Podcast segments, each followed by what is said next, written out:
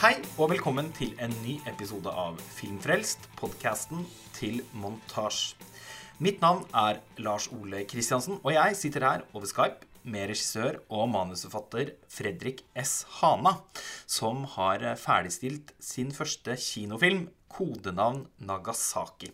Og den får eh, norgespremiere under eh, dokumentarfilmfestivalen Human, som avvikles digitalt i år, første uken i mars. Og så har den nylig hatt verdenspremiere under Slamdance Film Festival, som gikk av stabelen 12. februar. Og Fredrik Hana, du er et navn vi som på den ene eller den andre måten er en del av filmmiljøet i Norge, kjenner godt til. Eh, vi som har fulgt litt med på norsk kortfilm, har jo over en ja, ti år lang periode merket oss deg som en eksepsjonelt lovende eh, og en gang ung filmskaper.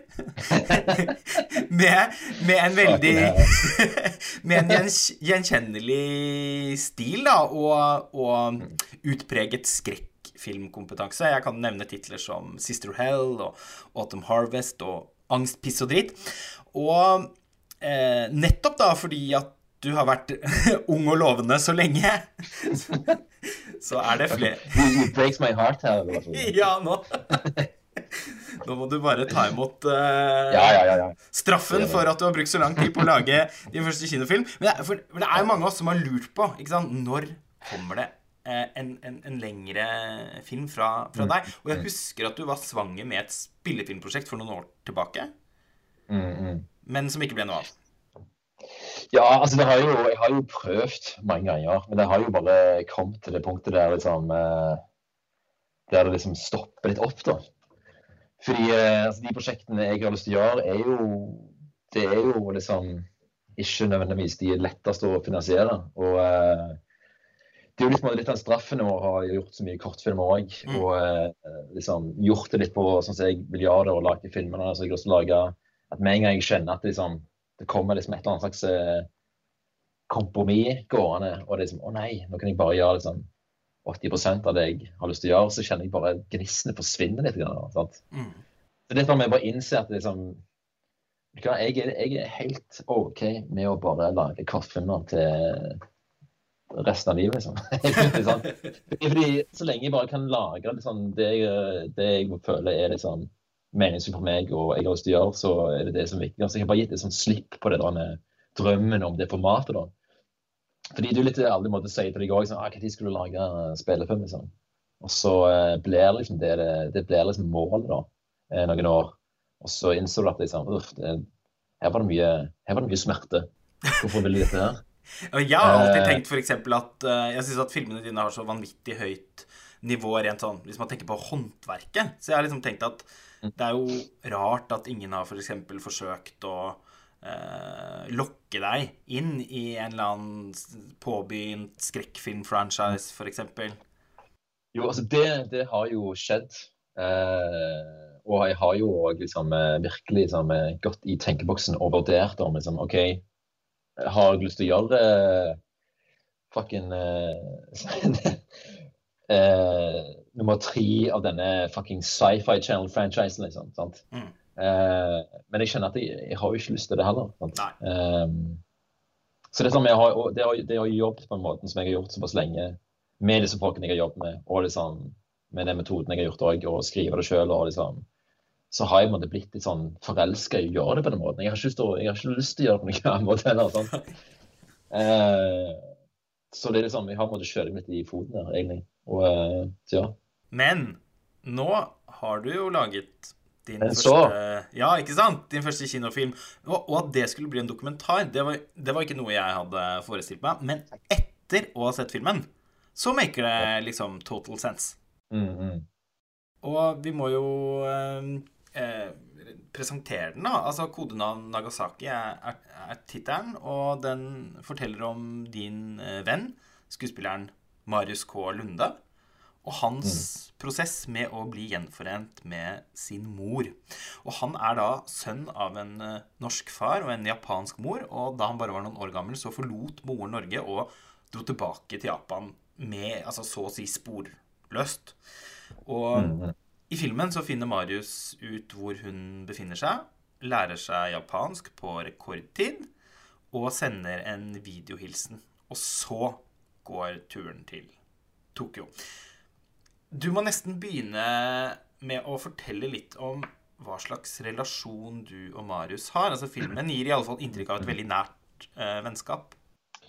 Ja, altså Marius eh, har jo eh, jeg, jeg har jobbet med Marius som, uh, ganske lenge. og Han har jo, han har jo vært liksom, skuespiller for meg og var liksom, produsent en gang jeg har gjort spesialeffekter. Men han er sånn Swiss Army Knife-fyr. da, sant? Uh, og vi har uh, hatt har et sånt et samarbeid der vi liksom Der det oppstår en liksom gode, gode energi. da.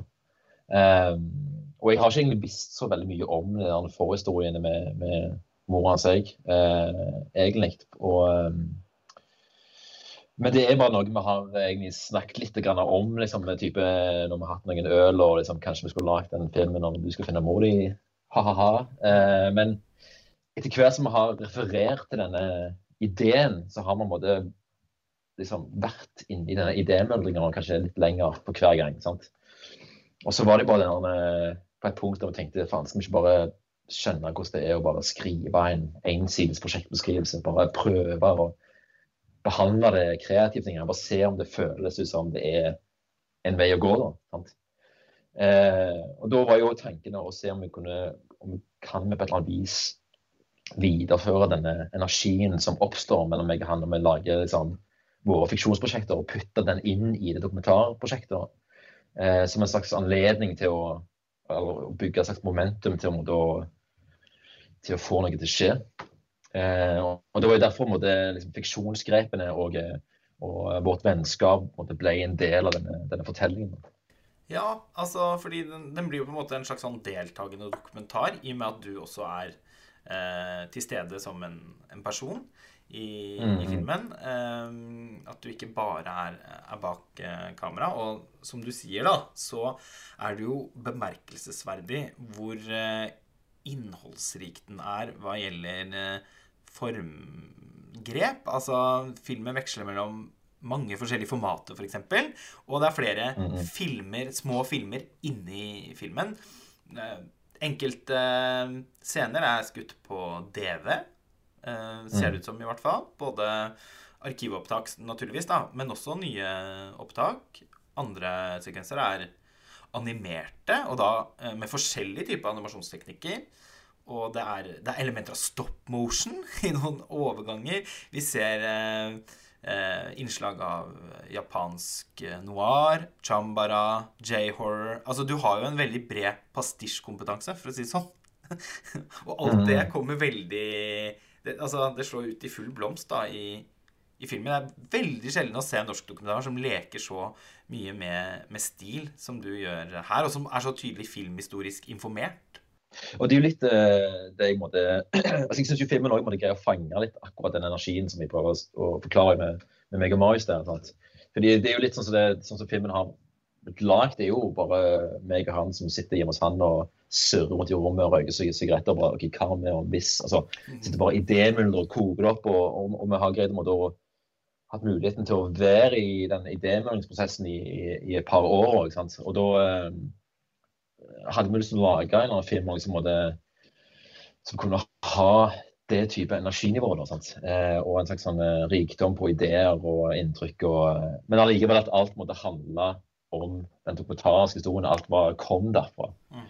Eh, og Det er det som måtte være mest utfordringen med filmen òg. Liksom, hvordan kan vi liksom, få dette her til å være en sånn helhetlig opplevelse når du har så mange deler? Da? Ja, og den oppleves jo også til dels da som en film som eh, eh utforsker japansk kultur.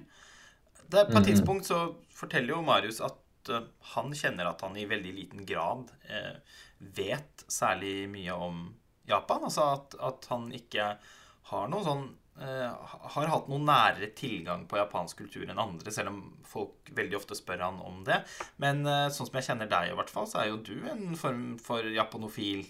Ja, altså Iallfall gjennom film, da. Ja. Eller utelukka gjennom film. altså, jeg tror jo både, både meg og Marius uh, altså, har jo det, det, var jo noe av det som egentlig var liksom, noe som, som bandt oss litt sammen, det er jo selvfølgelig film, da, men òg bare og, eh, japansk film. da. Det var jo noe vi, vi begge var ekstremt interessert i.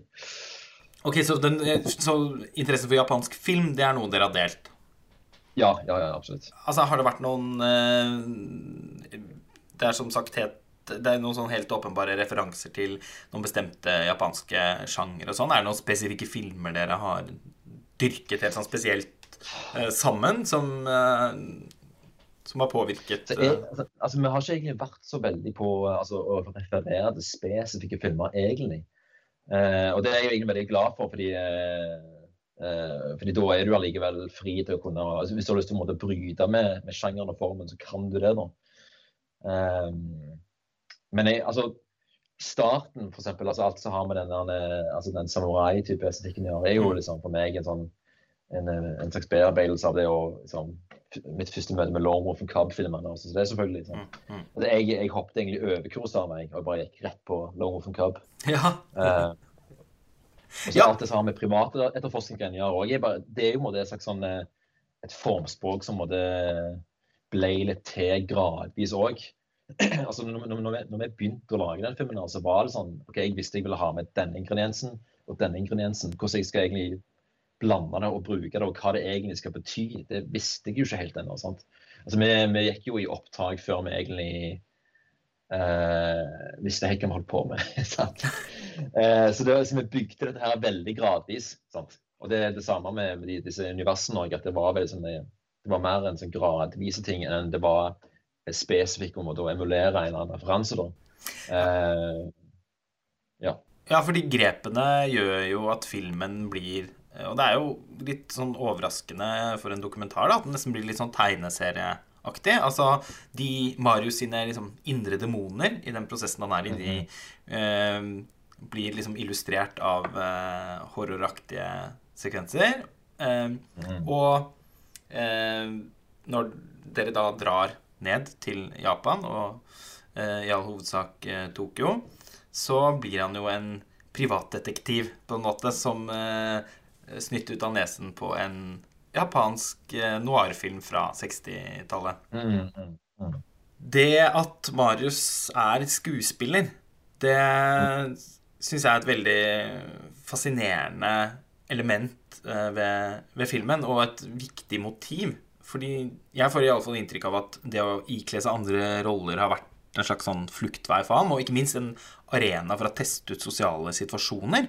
Altså, det fins jo noen scener i filmen hvor det eh, hvor, hvor dere på en måte bruker det å ikle seg roller på en litt sånn terapeutisk måte for å forberede dere til en virkelig situasjon som kan inntreffe idet dere drar til Japan? Ja, altså jeg, jeg, tror ikke, jeg tror ikke Marius hadde måtte, egentlig kjent seg igjen i det, i det eh, tanken om at det handler om, eh, om å ta avstand nå. For, for det her er noe meg meg han har snakket om veldig eh, mye i den tidlige prosessen. nå, fordi det var jo veldig mye liksom sånn eh, frykt for, de, for de som, er, som jeg, finansierte filmen. At det, det å inkludere så mye fiksjon i en dokumentar, at det handla utelukkende med det å ta avstand til, til, til virkeligheten. At, eh, men jeg tenkte mer det, det å å ha det å kunne bearbeide kreativt eh, en eller annen slags dokumentarisk historie, er noe som er, som er nesten det motsatte, da. Mm. Eh, hvis det maker sense. Ja. Eh, at det er, ja. Fordi liksom, det tar med at det, med en gang du liksom bearbeider det kreativt så, på den måten her, så inkluderer du òg liksom andre inn i prosessen. Sant? Så alle er, måte, er måte litt i kontakt med, med det Marius går igjennom. Altså, det er jo også noen scener her i filmen også, der vi liksom, vi har jo eh, casta skuespillere som spiller en sånn liksom eh, mamma til Marius. Mm. Og det var da jeg egentlig liksom innså at liksom, dette begynner å bli liksom I filmen også sier jeg sånn at dette, blir dette bli weird nå? Fordi jeg føler at det er liksom, den blandingen av liksom opptaksenergien og de folkene vi har alltid jobbet med, men så er det liksom, så er det måte, Marius sin historie og eh, situasjonen som står liksom som i midten, da. Mm. Um, så jeg føler at det er noe sånn veldig sånn, eh, sånn eh, både ja, liksom sårbart og litt sånn ja, modig for Marius også, å kunne å tørre å bearbeide det kreativt på den måten. Ja, eh, helt, eh, helt klart. Og jeg syns også det er morsomt at dere da sammen drar til Japan for første gang. Altså, Mm, mm. eh, han har jo heller ikke vært der før. Ettersom jeg sjøl har lært meg litt superbasic super basic japansk for å enklere kunne kommunisere når jeg har vært der nede, så vet jeg at Jeg vet at det er spesielt enkelt å uttale for nordmenn, så det er en fordel. Eh, men at det ellers er veldig vanskelig å lære seg. Så at Marius får til det på bare noen måneder, og eh, i en sånn eh, grad at han kan holde en, en samtale gående, det er mektig imponerende. Og det sier vel på en måte også noe om hans egenskaper som skuespiller. Mm, jeg ble veldig grepet av den scenen der han spiller inn en videohilsen til moren sin på japansk. Kan du fortelle litt om eh, hvordan dere kom dit? Ja, altså vi var jo alle ganske sånn eh, satt ut av, av, av eh, hvor fort han måtte fikk det å stå, da. Ja, For det virker jo nesten utroverdig, holdt jeg på å si, når man ser Altså, det, det gikk jo noen måneder, men, men jeg var helt sånn altså, jeg, stod, jeg følte jeg virkelig sto på utsida av selvfølgelig av hele den utfordringen der. Men jeg var sånn eh, Ja, veldig, veldig imponert over hvordan det gikk. Og jeg hadde aldri hørt at han snakka japansk før heller, før det, det som skjer i filmen. Nei. Og det var jo noe han eh, liksom øvde mye på, og han eh, fikk jo litt hjelp av det. Men, eh, men allikevel så var det jo en ting som han sto og kokte på alene. Sant? Altså jeg, jeg, kunne ikke hjelpe ham med noe, det var liksom stor behandling.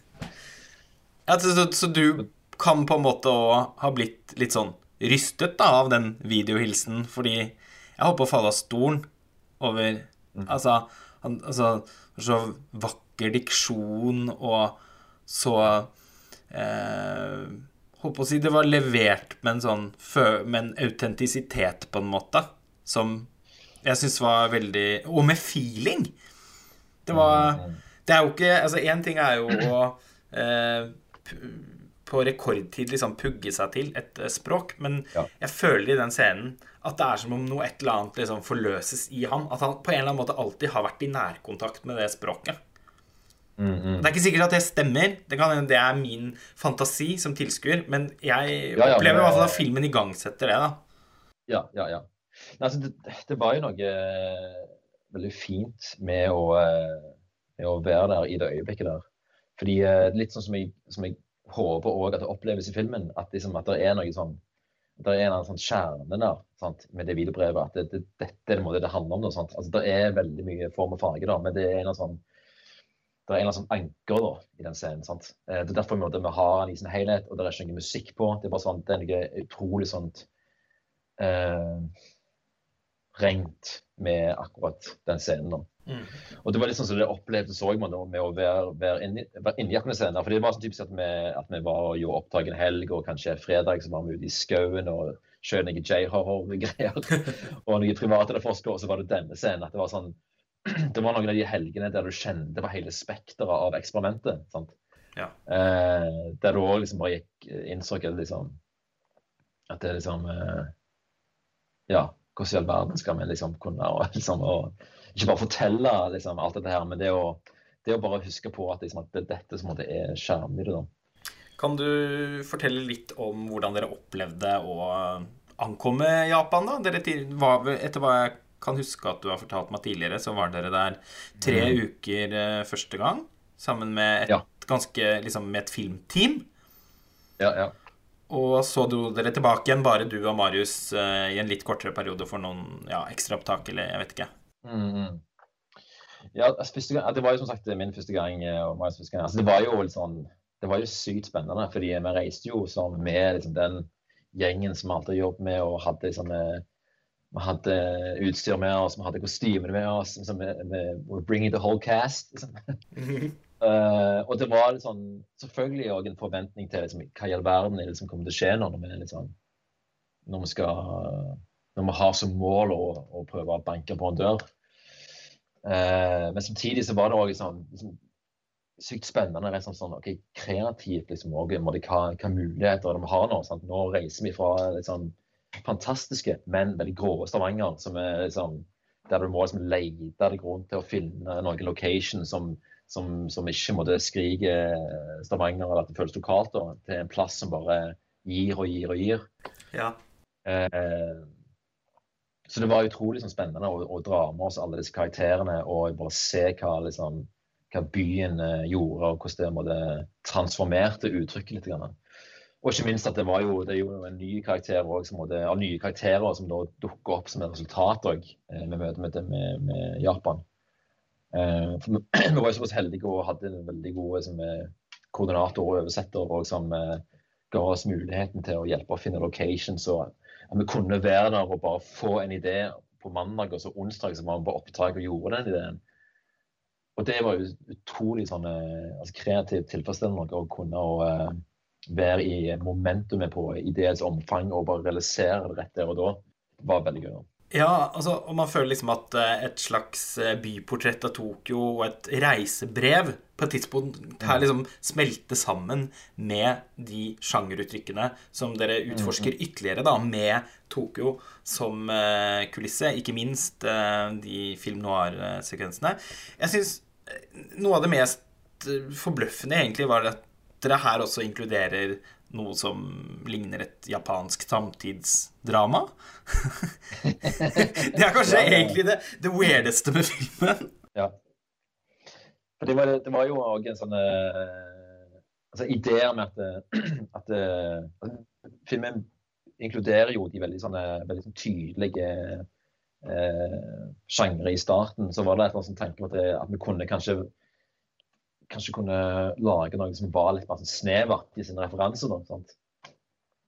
Eh, og så var det en eller annen idé som, som er egentlig Marius fikk, som var faktisk eh, en sånn idé som, eh, som, var inspirert av Ghost and Shell. Som er liksom når uh, The Majors ser liksom eh, noen som er liksom samme modell som henne, sant? ser mot klonen sin.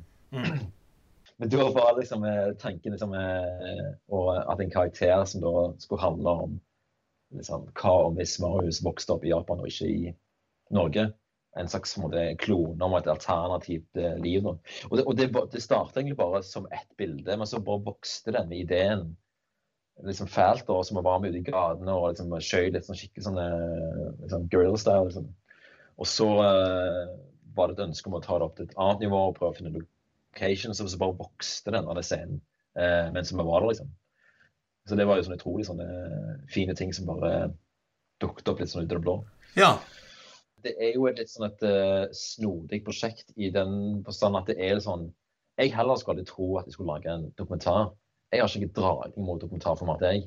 Nei. En, virkeligheten sucks, liksom. Hvorfor Altså, jeg, jeg, altså mye større tiltrekning mot altså det, det fantastiske og eh, sjanger og liksom virkelig det motsatte av det dokumentaret Da. Ja, det var derfor det var så innmari overraskende at det var en dokumentar som skulle bli din første ja, kinofilm. For Det er jo litt det, det som eh, det det har eh, handlet om nå, er jo altså Marius har jo alltid måtte vært en fyr som har strukket seg veldig veldig langt for å hjelpe meg med mine filmer. Og Vi har jo selvfølgelig skrevet ting sammen sjøl, men jeg føler han alltid har liksom gitt jævlig mye av seg sjøl. Eh, mye mer enn det han, det han trenger, liksom. Ja. Eh, så det, sånn, det var jo en sånn følelse å se en eller annen mulighet til å hjelpe, liksom, hjelpe han med et eller annet. Selv om jeg visste ikke, jeg visste ikke hva, hva, hva, jeg skal gjøre. Altså, jeg kan ikke gjøre noe av det heavy lifting når det gjelder liksom, det å faktisk eh, spore opp og deale med de praktiske tingene i, i forkant av et potensielt møte. Men hvis det er et eller annet med min tilstedeværelse og liksom, den energien som oppstår med meg og han, som kan være en eller annen hjelp, så var det det som først og fremst var grunnen til at ok, dette føler jeg at jeg må gjøre. Sant? Samtidig så er det jo den følelsen at det, det, høres ut som en god idé, dette her. Det høres ut som en ganske dårlig idé òg. Eh, I forhold til at liksom, vi vet jo ikke hva som måtte er, hva som kommer til å skje. fordi det, liksom, det er jo et såpass, i hvert fall i starten, var såpass stort mysterium at vi vet jo ikke om hun lever engang. Så vi har ingen peiling. Men det var litt appellerende bare i det òg. At, liksom, at det var sånn det var spennende, fordi liksom, det var noe helt nytt. Mm. Og så følte jeg meg veldig sånn um, Noe trygt òg med, med, å gjøre det sammen med Marius. og uh, i forhold til liksom, de filmene vi har lagt tidligere. Jeg vet at, liksom, at, det, at, det, kan oppstå noe utrolig sånn, kreativt spennende med å kombinere disse ideene. Um, og det er litt sånn hvis du spør Marius i forhold til liksom, hva rolle jeg har hatt for han Mm. fordi når vi gjorde Q&A på Stand, så, så, så kaller han meg for uh, hans vitne. så jeg ting da. Og det er litt sånn som jeg føler jeg har vært òg. Er som en, en, en, en person som er der, som han uh, som forteller historien gjennom det. Sånt. Um, så det er, det er litt sånn Selv om jeg er sånn, jeg er super stolt av den filmen her. og er sånn, fordi den som jeg sa tidligere så føler jeg at den, den greier måte, å fange det sånn, en slags essensen av den energien som er mellom meg og Marius, og det vennskapet. Eh, og liksom, det er så mye jeg har lært av bare å eh, prøve å liksom, komme på innsiden av, liksom, eh, av hva Marius har tenkt på de siste 25 årene. sant? Fordi jeg, jeg kom jo inn i dette prosjektet sannsynligvis med noen antakelser om at hey, du må jo være sint på mor di. Mm. Hun har jo forlatt deg, mann. Mm. Men jeg, og det, og jeg, etter hvert innser jeg jo at, eh, at Marius tenker ikke sånn på det heller. Og det er jo et punkt i filmen òg der jeg liksom, når jeg måtte reagere litt på en sånn eh, ting som vi spiller ut. Og det handler på at jeg reagerer på liksom, den ekstreme sånn viljen jeg har til bare å se forbi det. Sant? At det er en liksom, ja, det, det, det, det prosjektet som, eh, som, jeg er veldig glad for at jeg har lagd og vært igjennom, og har lært meg veldig mye òg i forhold til liksom, utfordringene med bare å lage film om noe annet sitt liv, egentlig. Ja, altså, altså er det jo gøy at filmen på en måte også gestalter deres samarbeid opp gjennom årene, og på en eller annen måte også er litt en sånn karriereoppsummering for din del. det, ja, det er jo det. Det er jo det. Altså, ikke, altså for eksempel jeg, er ikke, jeg er ikke ung og lovende lenger. Sole, så nå er, det, nå er, det, på tide å se bakover. Ja!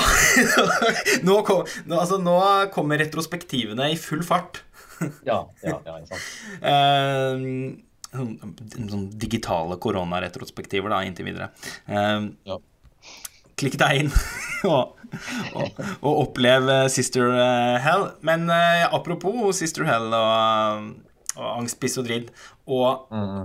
Og kodenavn Nagasaki, så ser vi jo at uh, vi, ikke bare får vi oppleve i DJ-horror-sekvensene noen virkelig imponerende spesialeffekter, men vi får jo også se at dere lager dem.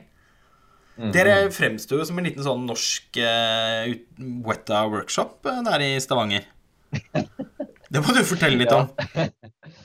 ja, altså Som sagt så har jo Marius òg vært en sånn Han har jo lagd liksom, rekvisitter og effekter for meg òg, så han har jo en veldig sånn eh, deilig hjerne i forhold til som, okay, hvordan kan vi lage dette her. Vi har ingen penger, vi har en gaffateip, vi har eh, en nål, og vi skal lage det. Altså, det, er sånn, det er litt det vi liker med å jobbe med han òg. det sånn det er aldri snakk om at vi ikke har penger til det. Det er aldri snakk om at vi ikke har muligheter til det. Det er alltid en måte å få det til på et vis. sant?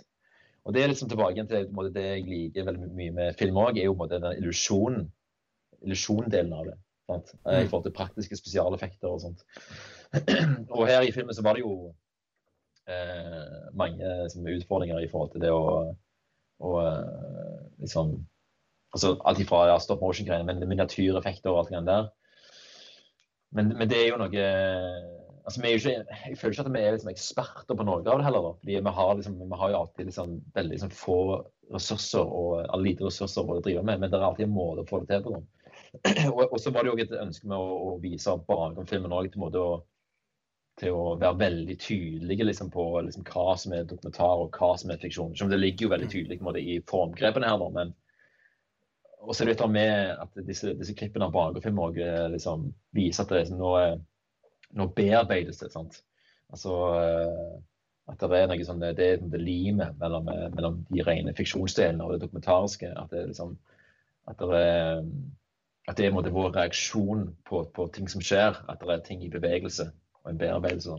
Og jeg syns jo det er så kult at uh, det, altså resultatet Én ting er at jeg syns det ser veldig kult ut, men uh, selv om du Det at det ikke alltid er liksom helt polert, da, det gir jo Uh, uttrykket en, en, karakter som man egentlig gjerne er på jakt etter når man ser eh, splatterfilmer og sånn, da. Altså, hvis man ser Society til Brian Justna, for eksempel, da, med de åndssvake effektene til han Screaming eh, Mad George, den japanske mm eh, spesialeffekt-trollmannen, så, så, er det jo på en måte eh, noe med liksom ruheten i eh, i, i designet og liksom villskapen i hva Ja, man har bestemt seg for å liksom bare klatte på med, som eh, gjør inntrykk. Og det syns jeg også ofte er tilfellet i,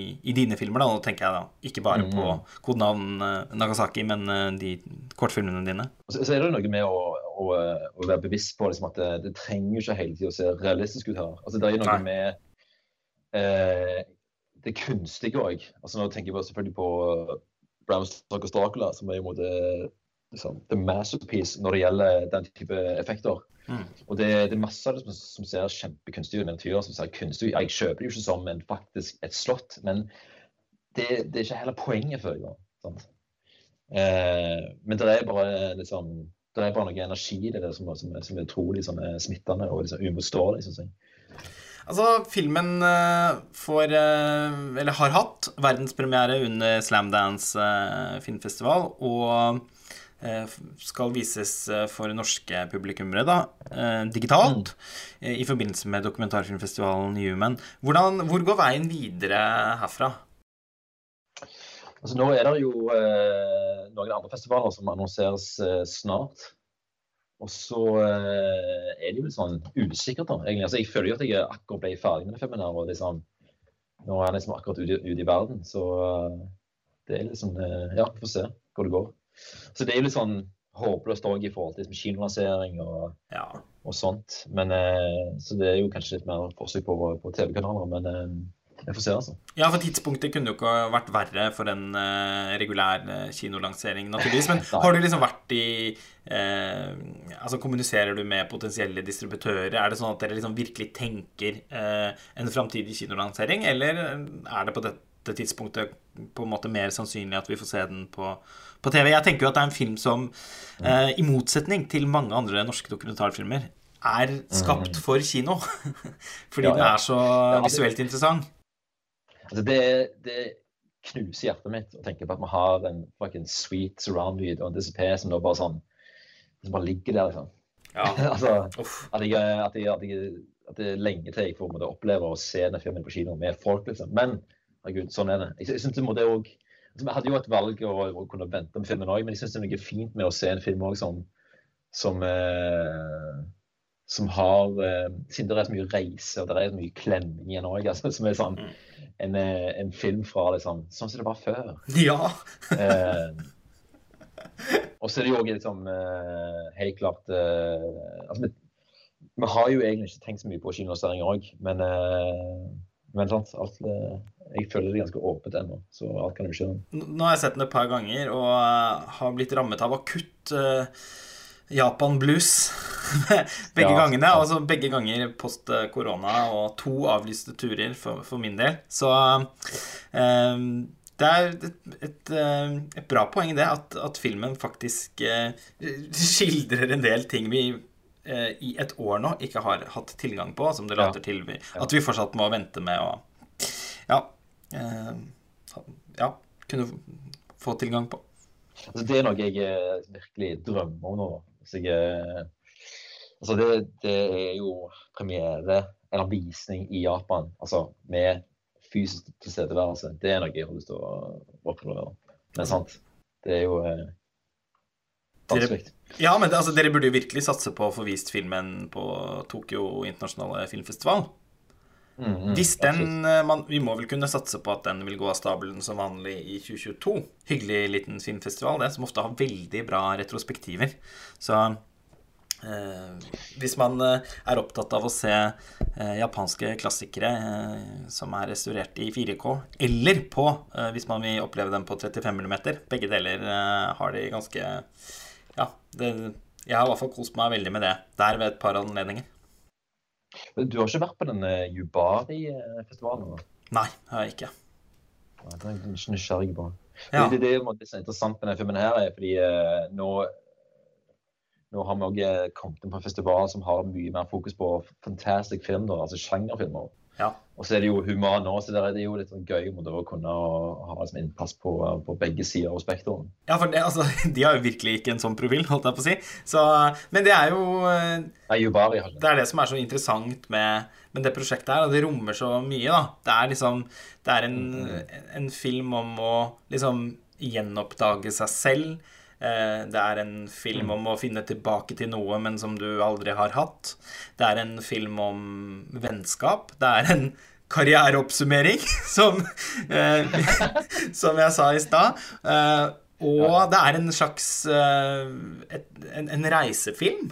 Om, så, så, og, og, et, og en deltakende dokumentar der det liksom hele tiden er et, et, et metanivå, og vi følger prosessen med å lage filmen parallelt med hovedpersonens eh, personlige, emosjonelle reise. Så den eh, Jeg håper virkelig at, at koden av Nagasaki finner et publikum etter hvert. Da jeg kjenner veldig mange der ute som jeg vet at ville hatt veldig stor glede av å, av å se den. Med det, Fredrik, så vil jeg bare ønske deg og Marius og filmen lykke til eh, videre på, på reisen. Tusen takk. Og så håper jeg du returnerer til Filmfrelst i, i framtiden. Jeg vet at vi deler en besettelse, nemlig å samle på film på fysisk format, og at vi Yes. begge ukentlig bruker masse tid og energi på å saumfare nettet for spesialutgaver som er out of print og, og den slags. Men da tror jeg vi må gjøre en videopodcast, fordi halve join er jo å vise fram zipcasen, liksom. Det er sant. Det er, det, vi har jo aldri laget eh, videopodkastutgaver av Filmfrelst, men det kunne jo kanskje blitt eh, starten på noe. Vi får, vi får se hva som skjer. En ting jeg føler jeg meg ganske sikker på, at eh, vi skal lage en sånn fysisk format-episode. Oh, ja, det, det vil jeg gjerne. Takk til alle som hører på Filmfrelst. Vi vender snart tilbake med en eh, ny episode. Ha det bra.